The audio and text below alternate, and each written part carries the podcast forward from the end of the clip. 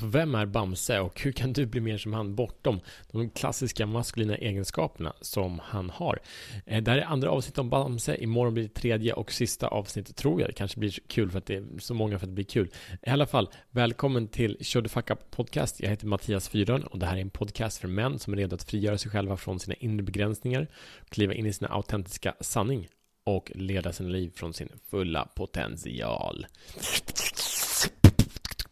Okej, eh, så, så, nu kör vi. Det här är, är, riktigt bra. Igår snackade vi om Bamse, vi pratade om hans maskulina egenskaper och de är många. Han är sjukt komplett eh, varelse, björn, människa, man, oavsett vad vi kallar honom.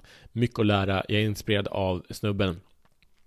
Utöver de här hjältegenskaperna som Bamse har, det som kanske mest imponerar mig och attraherar mig till honom är att han också har det andra.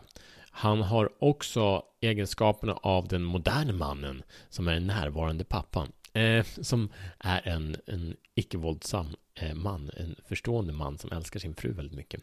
En riktig, riktig eh, mys och hemmapappa. ja, men det är sådana saker som jag värderar väldigt, väldigt mycket med Bamse. Så eh, det, en, en annan sak som, som också är väldigt, väldigt klassisk, att han inte bara är den här hjälten som far runt världen, typ James Bond-stil, utan Bamse är en natur, han är en björn, så obviously han gillar naturen. Men utöver det så är han en, han är en skogshuggare, han är ju riktigt jävla klassisk eh, manssnubbe, eh, liksom. Han är i skogen och hugger ner träd. Han drar lite dunderhonung och sen så hugger han ner träd med ett hugg och är glad och nöjd med det. Men, men, han har kontakten med eh, naturen eh, på ett helt annat sätt än vad de flesta av oss har idag, i alla fall än vad jag har. Och så, så han förstår naturens cykler på ett sätt som få mager, en arketyp hos oss män, gör. Så som pappa, som man, så eh, har han ju ett väldigt tålamod. Han är väldigt grundad i sig själv. Han eh, visar eh, närvaro, han visar att han är omtänksam.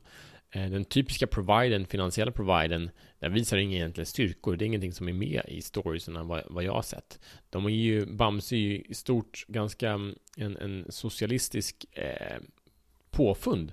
Eh, då framförallt i relation till Krösus som är en väldigt eh, nidbild av en förmögen person. Eh, och Bamse är ju helt klart mer en arbetartyp än, än något annat. Men, men det verkar i alla fall så att de kan försörja sig och äta och ha obegränsat med dunderhonung. Så han måste klara av även det. Eh, det är en hel del historier om, om eh, dejter och upplevelser han har med, med frun. Eh, och de visar på en väldigt, väldigt harmonisk eh, familj. Till skillnad från Lille Skutt som är veklingen där det är mycket mer tjafs eh, och eh, bråkiga barn, minihopp framförallt.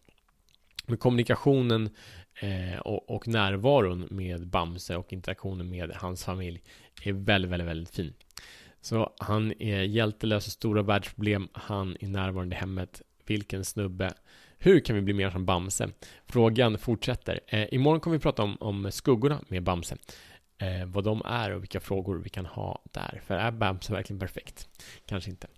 Missionen, om du väljer att acceptera den idag, är att identifiera hur kan du eh, balansera det här, harmonisera dig själv, att inte vara bara det du är, utan bli mer av det, bli bättre på det, men också bjuda in en mer eh, holistisk balanserad man. Så kanske är du en jättegullig gullsnubbe, som många är nu för tiden.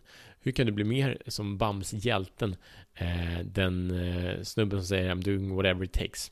Jag gör all, oavsett vad som krävs. Eller om det är tvärtom. Om det är den som gör allt vad som krävs så kan du bli mer närvarande i det du är och gör. Det är din mission för dagen. Vi ses imorgon eh, i nästa avsnitt om Bamse som bättre män.